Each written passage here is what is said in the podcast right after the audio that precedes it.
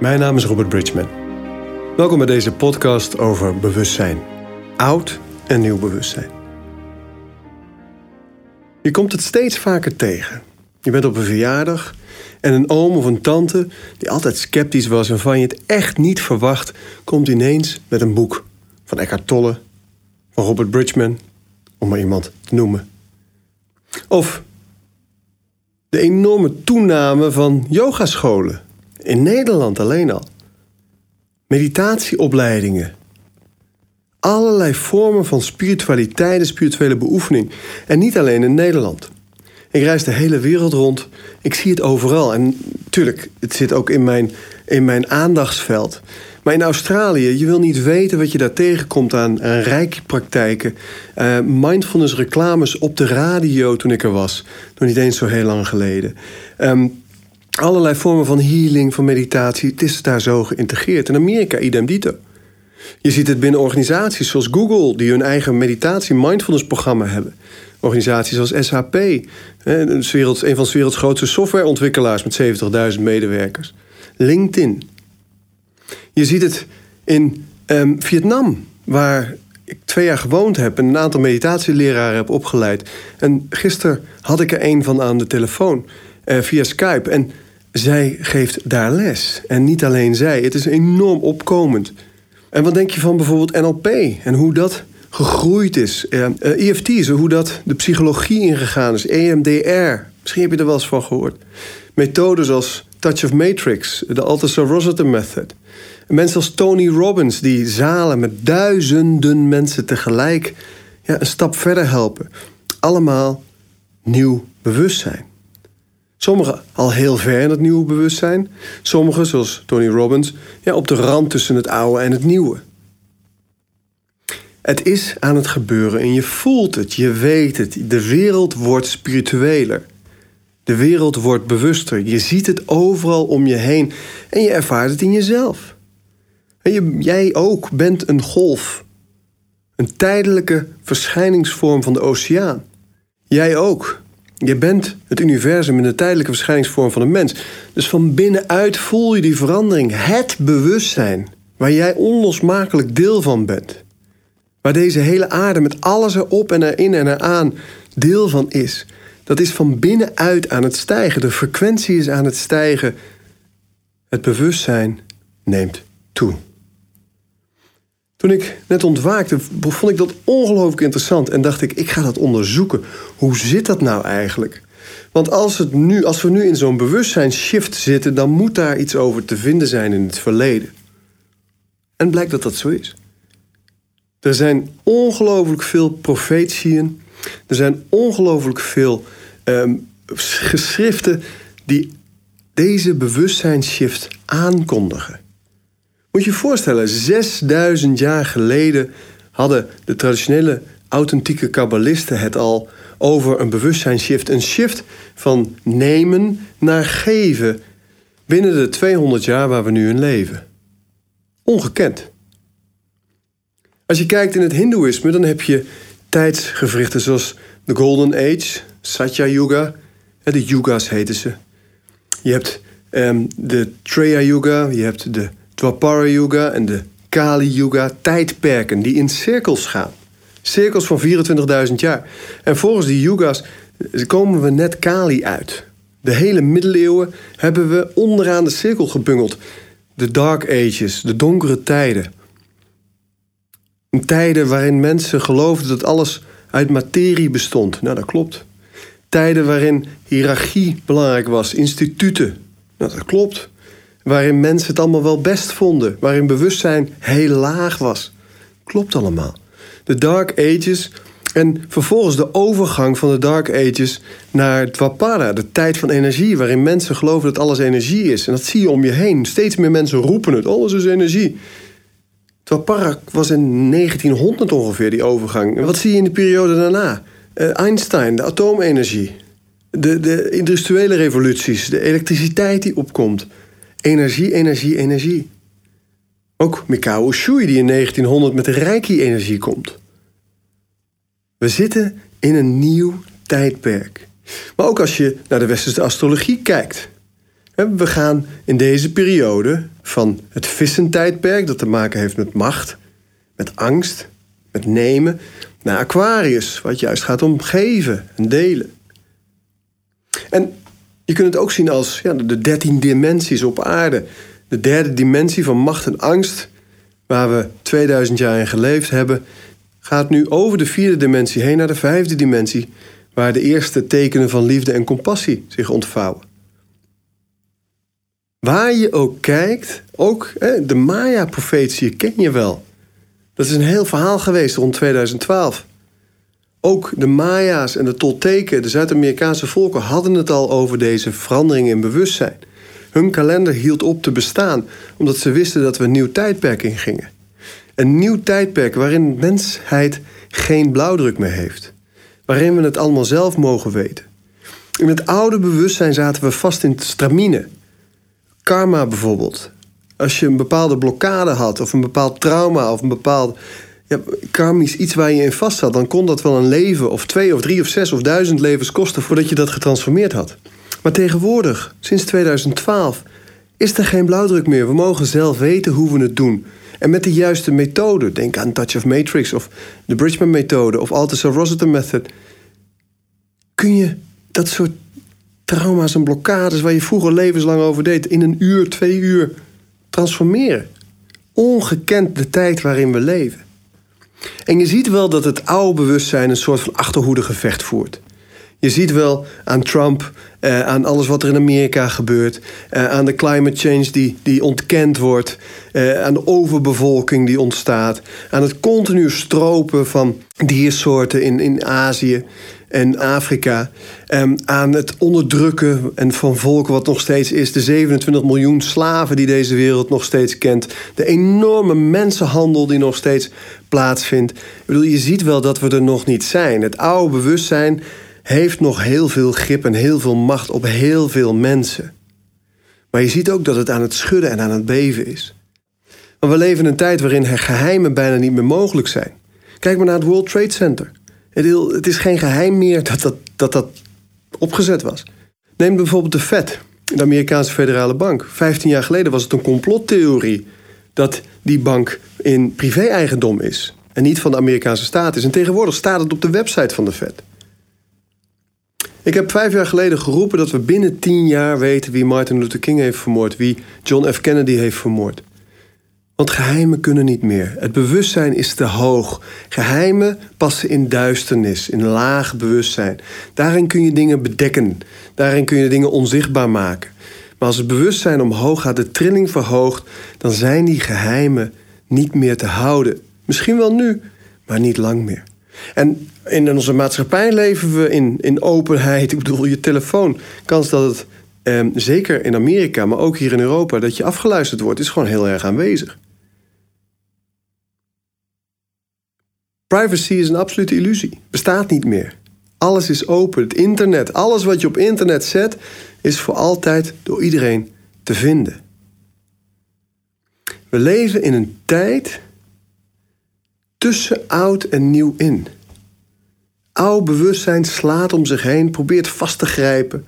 En het nieuwe bewustzijn schudt. Geheimen komen uit. Financiële instellingen storten in elkaar. Financiële crisissen volgen elkaar op. Dictators vallen om, worden omgelegd. De Arabische lente.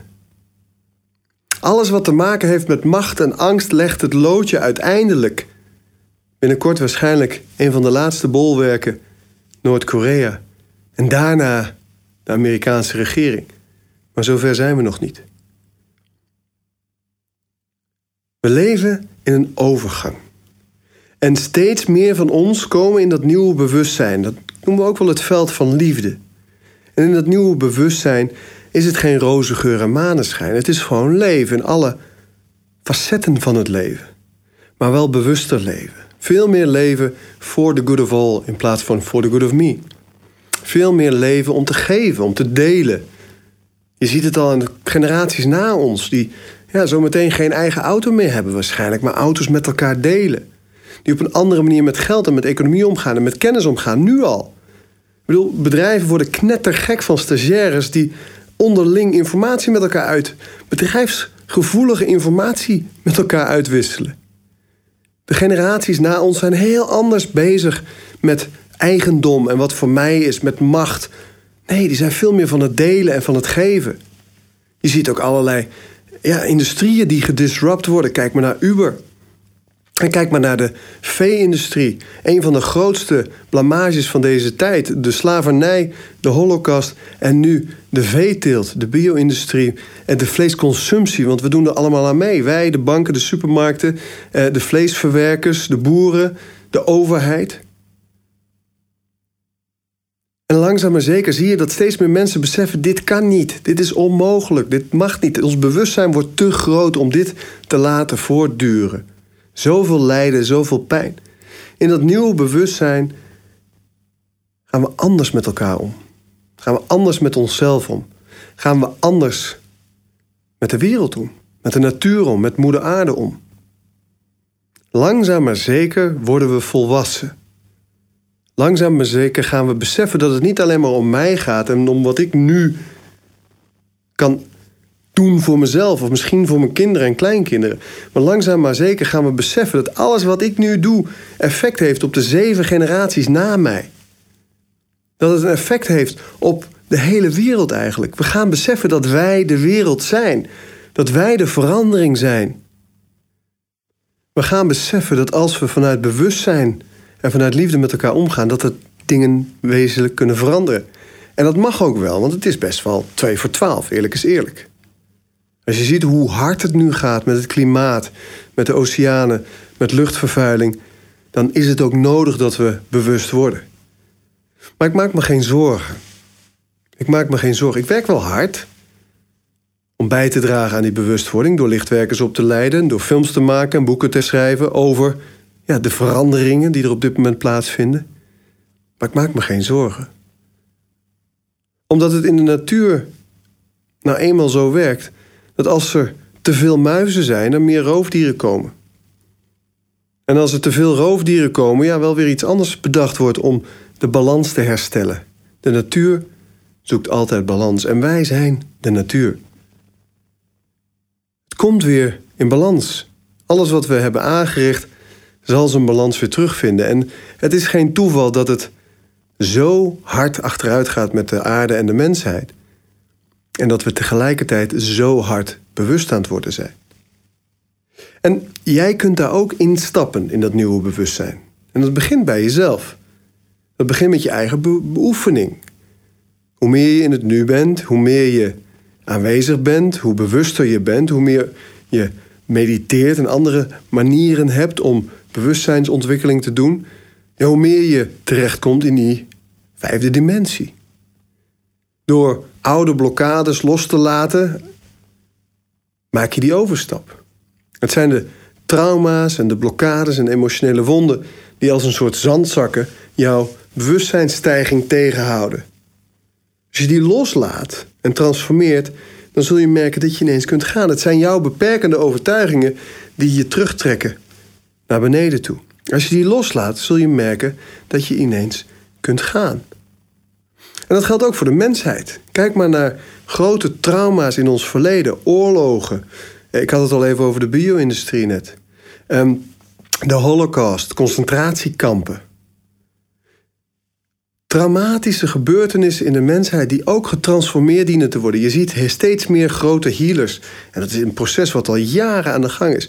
Die naar dat soort plekken gaan om de trauma's daar te genezen. Die concentratiekampen bezoeken om daar de trauma's ja, te transformeren in liefde. Zodat ook de trauma's van de mensheid getransformeerd worden en de mensheid als geheel dat nieuwe bewustzijn kan bereiken. En je ziet steeds meer lichtwerkers, mensen die werken als coach, als trainer, als healer, als therapeut, als psycholoog. Mensen die bezig zijn om andere mensen te helpen om los te laten. Want hoe meer we loslaten, hoe makkelijker het is om bewuster te worden. Om in ons eigen bewustzijn te stappen, om onze eigen trilling te verhogen. En van daaruit de realiteit in te stappen, vanuit liefde, vanuit eerlijkheid, vanuit openheid. Vanuit rauwheid. De dingen zien zoals ze zijn, accepteren zoals ze zijn. Vanuit verantwoordelijkheid. Verantwoordelijkheid voor jezelf, maar ook voor de generaties na je. Vanuit liefde voor jezelf en de generaties na je. En stel je eens voor dat we in een wereld zouden leven waarin iedereen die overstap gemaakt heeft. Hoe zou de mensheid en de aarde er dan uitzien? Want mensen die in die vijfde dimensie, zesde dimensie, zevende of hoger zijn gestapt en in liefde en compassie leven, zijn die nog in staat om een moord te plegen? Zijn die nog in staat om iets te nemen wat niet van hun is? Zijn die nog in staat om iets te eten wat zo verschrikkelijk geleden heeft? Die transformatie begint bij jou. Het nieuwe bewustzijn is iets wat mij dagelijks bezighoudt. En eigenlijk alles wat ik doe in mijn leven is gericht op het faciliteren van de mensheid om dat nieuwe bewustzijn te bereiken, zodat we er met z'n allen in kunnen stappen. En dat doe ik bijvoorbeeld door het opleiden van lichtwerkers, transformatief coaches, meditatieleraren, facilitators op allerlei manieren die andere mensen helpen om bewuster te worden, die andere mensen helpen om los te laten, die andere mensen helpen om richting te vinden in hun eigen leven en bewustwording. Dat doe ik ook door allerlei projecten te lanceren die te maken hebben met de collectieve trauma's van de mensheid. Zo heb ik de film gemaakt More Than a Pipeline, die gaat over de onderdrukking van de Indianen in Noord-Amerika. Eén van de meest spirituele volken ter wereld die onderdrukt wordt door de Amerikaanse overheid en het bedrijfsleven. Eigenlijk is dat hetzelfde als wat in Tibet gebeurt. De Tibetanen die onderdrukt worden door de Chinese overheid. Ook een ongelooflijk spiritueel volk dat leeft op een van de chakra's van de aarde. Dat onderdrukt wordt. En dit soort onderdrukkingen, en dat zie je ook in het Midden-Oosten. Dit soort onderdrukkingen in Israël, de onderdrukking van de Palestijnen, houden ons waar we zijn. En daarom is het zo belangrijk dat er bewustwording op komt. Want kijk maar naar de slavernij. De slavernij hield op toen er bewustwording opkwam. Er was een oorlog voor nodig daar in Amerika. Maar de rest van de wereld is er gewoon mee gestopt. Kijk maar naar Gandhi en hoe hij India heeft bevrijd van de Engelsen door bewustwording. Kijk maar naar Martin Luther King, die bewustwording vroeg voor de negerrechten en daarmee ja, een enorme stap zette in het afschaffen van de onderdrukking van Afrikanen in Amerika. Kijk naar Nelson Mandela, die met bewustwording zijn land weer verenigde. Die bewustwording is essentieel. En dat is de reden dat ik films maak en dat ik boeken schrijf. Omdat we op die manier onze aandacht kunnen richten op wat we niet meer willen, maar ook op wat we wel willen. En neem bijvoorbeeld de veeteelt. Ik heb het al een paar keer genoemd, maar de onderdrukking van dieren is waanzinnig. We zijn het normaal gaan vinden, maar dat is het niet. Het bestaat pas 50 jaar. En op dit moment slachten we zo'n anderhalf miljoen dieren per dag hier in Nederland alleen al. 450 miljoen dieren per jaar. Slachthuizen, ja, daar gebeuren verschrikkelijke dingen. Onlangs was er een open brief van 66 dierenartsen, nota bene, uit de branche, die ja, in opstand kwamen tegen de erbarmelijke omstandigheden waarin ja, dieren zich bevinden. De moordmachine, die we allemaal normaal zijn gaan vinden, omdat we zo graag vlees consumeren, zuivel tot ons nemen en eitjes eten. Maar het is niet normaal. En het houdt ons omlaag. Het houdt ons bewustzijn laag. Al dat lijden, al die pijn houdt ons collectief bewustzijn bij de grond. En we hebben dat te transformeren. Als we stoppen met het eten van vlees en stoppen met de bio-industrie en alles wat daarmee te maken heeft, dan zul je merken dat het sneller gaat, die stijging in het bewustzijn. Maar dat geldt ook voor de onderdrukking van de Tibetanen. Dat geldt ook voor de onderdrukking van de Indianen. Dat geldt ook voor de conflicten in het Midden-Oosten. En dat geldt voor nog een heleboel andere verschrikkelijke dingen die gebeuren op deze planeet. En daarom zul je zien, en zul je zien hoe ik de rest van mijn leven wijd aan bewustwordingsvragen. Enerzijds het opleiden van lichtwerkers. Mensen van hun ja, zandzakken afhelpen. En anderzijds bewustwording door films, door projecten, door online, door boeken. En ik hoop dat ik jou inspireer om dat ook te doen, want wij zijn de wereld. We kunnen samen die verandering verspoedigen. Wij kunnen samen dat nieuwe bewustzijn handen en voeten geven. Wij kunnen samen zorgen dat de mensheid sneller transformeert.